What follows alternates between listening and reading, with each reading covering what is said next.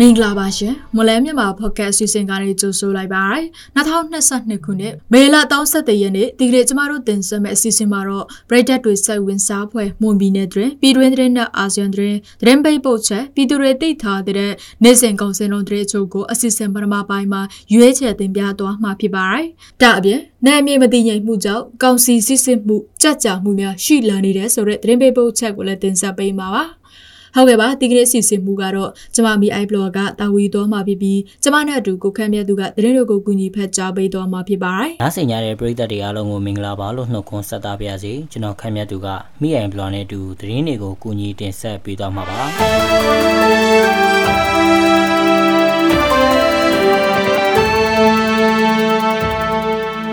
လမြိုင်မြို့နယ်အတွင်းကကယ်ဆယ်ရဲဖွဲ့ဝင်တွေအနေနဲ့တဘာဝဘေးအန္တရာယ်အတွက်ကြိုတင်ပြင်ဆင်မှုတွေဆောင်ရွက်ထားပြီးဖြစ်တယ်လို့ပပိုဝင်းကယ်တင်ရေးအဖွဲ့မှဥက္ကဋ္ဌပပိုဝင်းကပြောပါတယ်။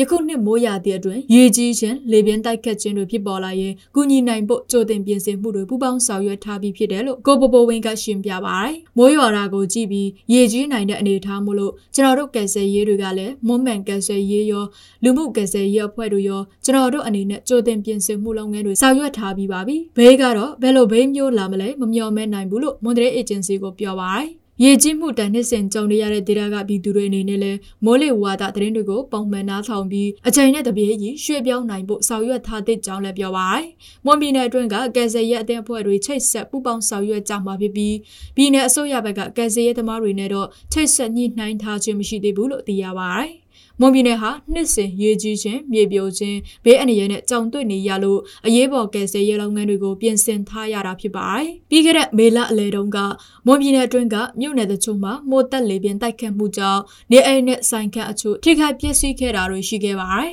။မွန်ပြည်နယ်အတွင်းနေလန်းစားလုပ်ငန်းတွေစားဖြတ်မှုကြောင့်၃ကြိမ်တိုင်တိုင်ပျက်စီးခဲ့လို့ကိုဗစ်ချင်းငွေကိုတစ်နှစ်ဆိုင်ငံပေးဖို့စားတောင်သူတွေမျှော်လင့်နေကြပါတယ်။ ပြီးခဲ့တဲ့ဖေဖော်ဝါရီမတ်လနဲ့ဧပြီလတို့မှာစားဖြတ်မိုးတွေရွာသွန်းခဲ့လို့စားတန်ချိန်ထောင်ကြီးပျက်စီးဆုံးရှုံးခဲ့ရပြီးစားတောင်သူတွေအရှုံးနဲ့ရင်ဆိုင်နေရလို့ကိုဗစ်ချင်းငွေကိုတစ်နှစ်ဆိုင်ငံ့စေချင်နေတာဖြစ်ကြောင်းစားတောင်သူတဦးကပြောပါတယ်။ဒါမဲ့နဲ့တချို့ကွင်းတွေမထွက်နိုင်ဘူးပြောကြတာပေါ့လေ။အခုချိန်မှာအဲ့တော့နိုင်ငံတော်ကိုလည်းကျွန်တော်တို့ကအကျွေးတွေပေးဆက်ရမယ်ဆိုတော့နိုင်ငံတော်မြစ်တာရက်ခံထားတာကကိုဗစ်ချင်းကိုတစ်နှစ်ပြန်ဆိုင်ငံ့ပေးဖို့လိုတယ်လို့စားတောင်သူတဦးကပြောပါတယ်။ စားဖြတ်မိုးကြောင့်တောင်သူတွေရဲ့စားတန်ချိန်ထောင်ကြီးပျက်စီးဆုံးရှုံးခဲ့ရပြီးအခုနှစ်စားထွက်နှုန်းကလည်းတဝက်ခန့်ရော့ကျခဲ့တယ်လို့ဆိုပါတယ်။ဒါမဲ့စားရသည်မှာစားလုပ်ငန်းပြန်လည်လုပ်ကင်ဖို့ငွေကြေးခက်ခဲနေကြတယ်လို့လည်းစားတောင်သူတွေစီကသိရပါတယ်။လက်ရှိမှာစားကြတပိတ်တာ250ကျပ်စားကြောတပိတ်တာ320ကျပ်အထိဈေးရှိနေပေမဲ့ပျက်စီးဆုံးရှုံးမှုကိုမကမိဘူးလို့ပြောကြပါတယ်။မွန်ပြည်နယ်မှာတော့နီလန်းစားတွေကိုပေါင်တန်ဖြူစည်းရနဲ့ရင်းမြုပ်နယ်တို့မှာအဓိကထုတ်လုပ်နေပါတယ်။ နှစ်စဉ်စားတန်ချိန်4000ကျော်ပုံမှန်ထွက်ရှိနေပေမဲ့အခုနှစ်မှာတော့စားဖြတ်မိုးကြောင့်တန်ချိန်2000ကျော်သာထွက်ရှိခဲ့တာဖြစ်ပါတယ်ကျွန်တော်တို့ရဲ့မွန်လိုင်းမြန်မာပေါ့ကတ်မြန်မာဘာသာအစီအစဉ်ကိုအားပေးနားတော်တာဆင်ကြတဲ့ပရိသတ်များခင်ဗျာကျွန်တော်တို့အတန်လွင့်အစီအစဉ်ကနေပြီးတော့မွန်ပြည်နယ်မှာဖြစ်ပျက်နေတဲ့သတင်းတွေပြည်ရင်းငြိမ်းချမ်းရေးဖြစ်စဉ်တွေအပြင်မြန်မာနိုင်ငံသတင်းနဲ့အာဆီယံသတင်းတွေကိုအပတ်စဉ်တနင်္လာနေ့ကနေတောက်ကြနေ့မှာ ည9:00နာရီအချိန် Moon News Agency Facebook စာမျက်နှာမှာဝင်ရောက်နားဆင်နိုင်သလို Moonline မြန်မာ Podcast စာမျက်နှာမှာလည်းဝင်ရောက်နားဆင်နိုင်ပါပြီ။အားပေးကြတဲ့ပရိသတ်များအားလုံးကိုကျေးဇူးတင်ပါတယ်ခင်ဗျာ။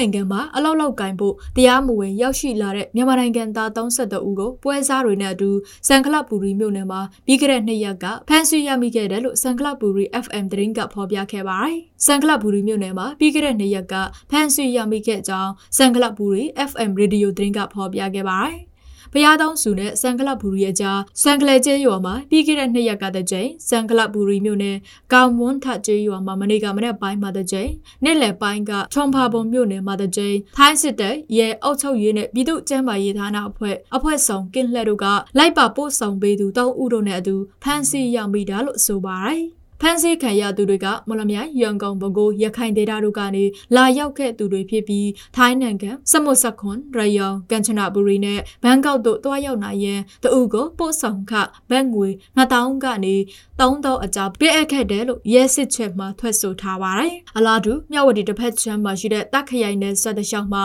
ထိုင်းလုံခြုံရေးတပ်ဖွဲ့ကင်းလက်စစ်ဆေးတွေပြုလုပ်နေပြီးပြီးခဲ့တဲ့3ရက်ကလည်းအထောက်အထားမဲ့မြန်မာရွှေ့ပြောလို့တမ90ကျော်ကိုဖမ်းဆီးမိခဲ့ပါတယ်။တို့အတူတနင်္သာရီတိုင်းတစ်ဖက်ချမ်းမှာရှိတဲ့ပရကြော့ကီရီကန်ခရိုင်မှာလည်းနေဆက်ဖြတ်ကျော်တရားမဝင်ရောက်ရှိလာတဲ့မြမရွှေပြော်လောက်သမား90နီးပါးကိုပြီးခဲ့တဲ့ရက်ပိုင်းကထိုင်းရဲတပ်ဖွဲ့ကဖမ်းဆီးရမိခဲ့ကြောင်းထိုင်းမီဒီယာတို့မှဖော်ပြခဲ့ပါတယ်။ရှမ်းပြည်နယ်တောင်ပိုင်းဖေခုံမြို့အင်အရှိဘက်ချမ်းမှာတိုက်ပွဲတွေကြောင့်မေလအတွင်းစစ်ဘေးဒုက္ခသည်ဥယျာဉ်9000ခန့်ထပ်တိုးလာခဲ့ပြီး KNY ပြည်နယ်တစ်ခုလုံးမှာစုစုပေါင်းဒုက္ခသည်ဥယျာဉ်2သိန်းကျော်ရှိနေတယ်လို့သိရပါတယ်။ KCSN ကပြုစုထားတဲ့စီးရင်တွေအရ2သိန်းကျော်ရှိနေတယ်လို့မနေ့ကကင်းဒီပြည်နယ်ရဲ့လူသားချင်းစာနာထောက်ထားမှုဆိုင်ရာအကြက်အတဲသတင်းစာရှင်းလင်းပွဲမှာညှိနှိုင်းရေးမှူးခု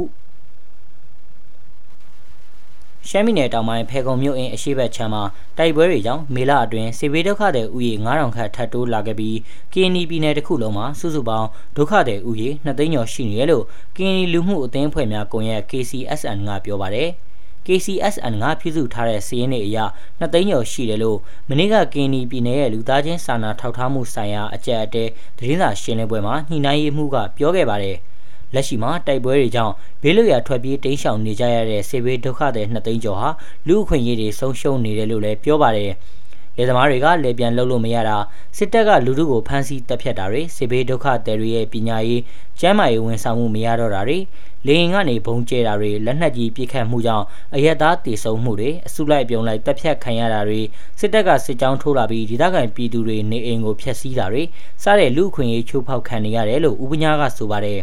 ဗိုလ်ချုပ်စော်မင်းထွန်းကတော့စေဘေးဒုက္ခသည်တွေကိုဂါချင်းစာနာမှုဆိုင်ရာအကူအညီတွေပေးဖို့ NGO ဖွဲ့စည်းတွေနဲ့သဘောတူညီချက်လမ်းစဉ်တွေအတွင်းအကူအညီတွေအားလုံးပြန့်နှံ့ရောက်ရှိအောင်လှုံ့ဆော်သွားမယ်လို့ RFA သတင်းဌာနကိုပြောဆိုထားပါတယ်။ ထိုင်းမြန်မာနယ်စပ်ချင်းရိုင်ပြည်နယ်မဲဖာလွန်ဒေတာမူဆယ်ကျေးရွာနီးမြန်မာနယ်စပ်နဲ့မီတာ200လောက်တာအကွာမှာထိုင်းနယ်ချားဆောက်တန်တဲ့မူရမှောင်ကိုတမားတွေပြီးခဲ့တဲ့ရက်ကနှစ်ဖက်တိုက်ပွဲဖြစ်ခဲ့ပါတယ်။ထိုင်းနယ်ချားဆောက်တန်အမှတ်3တပ်ဖွဲ့ဝင်တွေကင်းလှက်ချိန်မှာစိုက်ကြော့ဆေးပြားတွေတည်ဆောင်ပြီးထိုင်းနိုင်ငံတဲကိုဝင်လာတဲ့မူရမှောင်ကိုတမားတွေနဲ့ထိုက်တိုက်ရင်ဆိုင်တိုက်ပွဲဖြစ်ပွားခဲ့တာပါ။ ဆမ်မရိကတိုက်ပွဲဖြစ်ပေါ်ခဲ့ပြီးထိုင်းစစ်တပ်ကနယ်မြေရှင်းလင်းခဲ့ရမှာမူရမောင်ကိုတမကိုဦးတေဆောင်ခဲ့ပြီးစိုက်ကြော့စေးတဒန်း9သိန်းကျော်ဖမ်းမိခဲ့ပါတယ်။ချန်ရိုင်ပြည်နယ်အမှတ်၅ဒေသကရဲကျောက်ပီတာထူဝီချိုင်ကတော့မူရမှောင်ကိုသမားတွေဟာထိုင်းနိုင်ငံတဲ့ကိုဘုံစံမျိုးစုံတုံးပြီးမူရစေဝါတွေတင်သွင်းလာတဲ့အကြောင်းခုလိုပြောသွားပါတယ်။ မူရမှောင်ခိုသမားတွေဟာပုံစံအမျိုးမျိုးနဲ့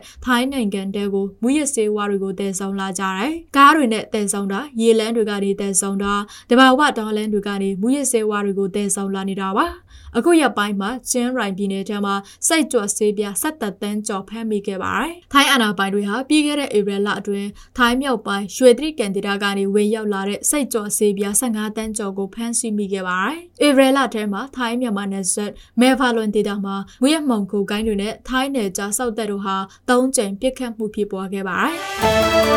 ။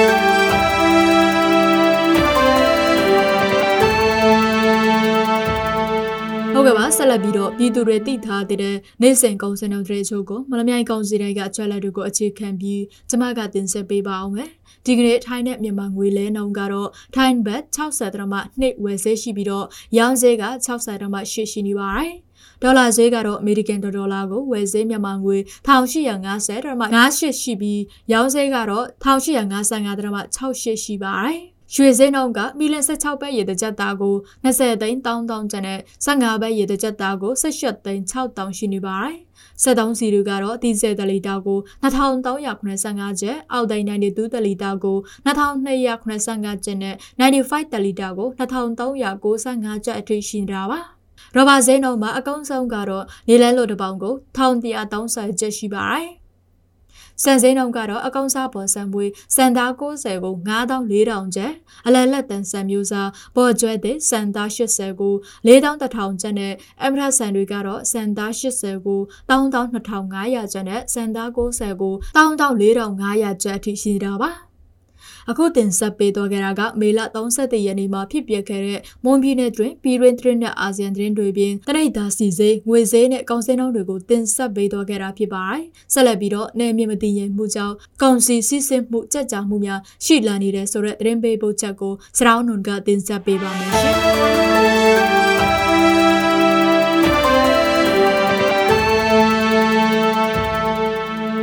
မြန်မာနိုင်ငံမှာနိုင်ငံရဲ့အကြက်တဲဖြစ်ပြီး လက်နက်ကင်ပဋိပက္ခတွေကျဲပြန့်လာတာက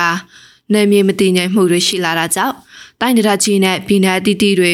ကောင်စီစစ်ဆင်မှုကြက်ကြာမှုတွေဖြစ်ပေါ်လာနေတယ်လို့ကောင်တယ်တွေနဲ့ဒေသခံတွေထံကနေသိရပါတယ်။ တိုက်ပွဲဖြစ်ပွားတဲ့အရက်ဒေသတွေကိုဖျက်တမ်းသွားလာရတဲ့ကောင်ကားတွေနေနဲ့ခရီးချိန်ကြာမြင့်တာတွေဖြစ်ပေါ်နေကြောင်းအဲဒီနောက်ကောင်ဆိုင်တွေပျက်စီးဆောင်ရှောက်မှုတွေရှိလာကြောင်းပြောင်းကောင်တဲ့သူဖြစ်သူဥဒစင်ထုံးကပြောပါတယ်။အဲပုံမှန်ကတော့သူပြောနေတယ်။ပြည့်ပြည့်လို့ကျန်ကျတော့တဲ့သွားတာမျိုးဆိုရင်တော့ဟိုနည်းနည်းတေးပင်နေတာမဆုကြတာပေါ့နော်။အဲအဲ့ဒါမျိုးပေါ့နော်။ပြီးတော့ဆရာတို့ကပြောင်း ကကိုယ်ကောင်းဖြစ်တဲ့အတွက်ကြောင့်ဒီပြတ်ပါတော့အပြည့်စီးပါမရှိဘူး။အခြားကိုယ်စိတ်ကြီးနဲ့ဖြစ်တဲ့ဒါမယုတ်တို့တရပရီတို့ပေါ့နော်ဟိုတကွာတို့ဘာလို့ညာတို့ပေါ့နော်ဒီလိုဟိုဒေသကနေပြီးဖြစ်တော့ပြီးတော့ကြတဲ့ဟိုကုန်သိသိနေကြတော့ဒီလိုလိုအဲ့ဒါမျိုးဖြစ်သွားတဲ့ခါမှာတော့ကုန်တဲ့ဘက်ကဆုံးရှုံးမှုတွေတော့ရှိရရှိပါလက်ရှိမြန်မာနိုင်ငံမှာစကိုင်းတိုင်းဒေသကြီး တနင်္သာရီတိုင်းဒေသကြီးမကွေးတိုင်းဒေသကြီးချင်းပြည်နယ်ရခိုင်ပြည်နယ်ကယားပြည်နယ်ကရင်ပြည်နယ်တွေမှာလက်နက်ကင်မရီပခတွေကျဲပြန့်နေတာကြောင့်တော်လာရခက်ခဲနေကြောင်းသိရပါတယ်။ ဒီရန်ကုန်ပိုင်းရလာတဲ့ဒီကုန်စည်တွေကတော့ပုံမှန်ပဲဒါပေမဲ့ဒီ export ပေါ်မဲ့ဟာပေါ့နော် TK လမ်းပေါ်မှာဟာ TK လမ်းပေါ်မှာဟာတို့တော့ဘောတော့ဘဲပေါ်မဲ့ဟာတွေကြောက်တော့ဒါဟိုဒီဖြစ်သွားတာပေါ့ပုံမှန်မဖြစ်တော့ဘူးပေါ့အဲဒီပေါ့သွားတာဒီအရင်လိုသွားလို့မရတော့ဘူးပေါ့အဲ့လိုပေါ့အရင်ကဆိုရင်ဒီချိန်ကြီးသွားလို့ရတယ်အခုကသူတို့သွားလို့မရတော့ဘူးအဲပြီးခရရပိုင်းကတနင်္သာရီတိုင်းဒေသကြီးထဝယ်မြို့နယ်ဘက်မှာစစ်တပ်နဲ့ PDF ကြားတိုက်ပွဲဖြစ်ပွားပြီးကောင်စီစစ်ဆင်မှုတွေမလောက်နိုင်ပဲဖြစ်ခဲ့ပါတယ်။ အဲဒီနောက်တခြားဘက်မှလည်း73စီစင်းနောက်မြန်မာမှုကြောင့်အဝေးပြေးကောင်စီပို့ဆောင်ရေးလုပ်ငန်းတွေဟာလုပ်ငန်းလည်ပတ်မှုအဆင်မပြေဖြစ်နေကြောင်းတချို့ကောင်စီပို့ဆောင်ရေးလုပ်ငန်းတွေကိုရန်နာထားရကြောင်းမြန်မာနိုင်ငံအဝေးပြေးကောင်စီပို့ဆောင်ရေးမှလုပ်ငန်းရှင်တို့ကပြောပါတယ်။ဂျုံတွေ့နေရတာဆိုတော့ဒီကိုယ်ရဲ့ဆက်ဆက်တွေပေါ့ဒီကိုဒီပို့ဆောင်ရေးကုန်ရှားပါမှုတွေဒီရဲ့ကြီးမြင့်မှုတွေပေါ့ဒါတွေတော့ရှိတာပေါ့ဒီလည်းကြီးတော့ကိုယ်ကလည်းရှားတယ်လေအဲ့တော့ကားတွေမကယ်ကြီးရက်လာတယ်အဲ့ဒီစစ်တွေဖြစ်ကုန်ကြတာပေါ့ ဒါတိုင်းတော့အပြင်တော့ဥမာတရားဆိုရင်စီး30လောက်40လောက်ကိုထွက်တော့တယ်ကျန်တဲ့ကားတွေရက်ကမကြိုက်တော့အဲ့လိုမျိုးဖြစ်ကုန်တာပေါ့ချင်းပြည်နယ်အတွင်းမှာလည်းကောင်းစီစင်းနှောင်တွေမြစ်တက်နေခြင်းနဲ့တိုက်ပွဲတွေဖြစ်ပွားနေခြင်းကြောင့်အလောက်ကန်ရှားပါလာကြောင်းပညာသင်ကြားရေးခက်ခဲဖြစ်လာနေကြောင်းချင်းပြည်နယ်မတူပီတရက်ခန်တအုပ်ဖြစ်သူဥခင်ကျော်ကပြောပါတယ်။အဲဘောကိုစနေလက်သက်တော့စားနေတော့မစားရလား။တော့အလို့အကန်ရလည်းမရှိတော့ကလေးပွေဒီကလည်းအာ ပြန်မထားနိုင်ဘူးကျောင်းမနိုင်ဘူးဆိုတဲ့အခါကျတော့တကယ်ရောများရှိမှာပေါ့နောက်သူဒီတော်လာရတကယ်ဆုံးမဲ့တကယ်ဆုံးဒီကမှာတနေရာနဲ့တနေရာတော့လာဖို့ကုပင်းလည်းမြင်တော့ဓာတ်စီတီကကြောင်းလို့ဝေလို့မရတဲ့ခါကျတော့စိုက်ကြတော့မလို့မရဘူးလေမကြခင်မိုးရတဲ့ရောက်တော့မှဖြစ်တဲ့အတွက် လက်ရှိမြန်မာနိုင်ငံမှာလက်နက်ကင်ပဏိပခတွေကျပြန့်နေတဲ့ဒေသတွေမှာလမ်းပန်းဆက်သွယ်ရေးနဲ့ကုန်စည်စစ်ဆေးမှုပုံမခက်ခဲလာနိုင်ကြောင်းဒေသခံတွေနဲ့ကောင်တယ်တွေကပြောပါတယ်ရှင်။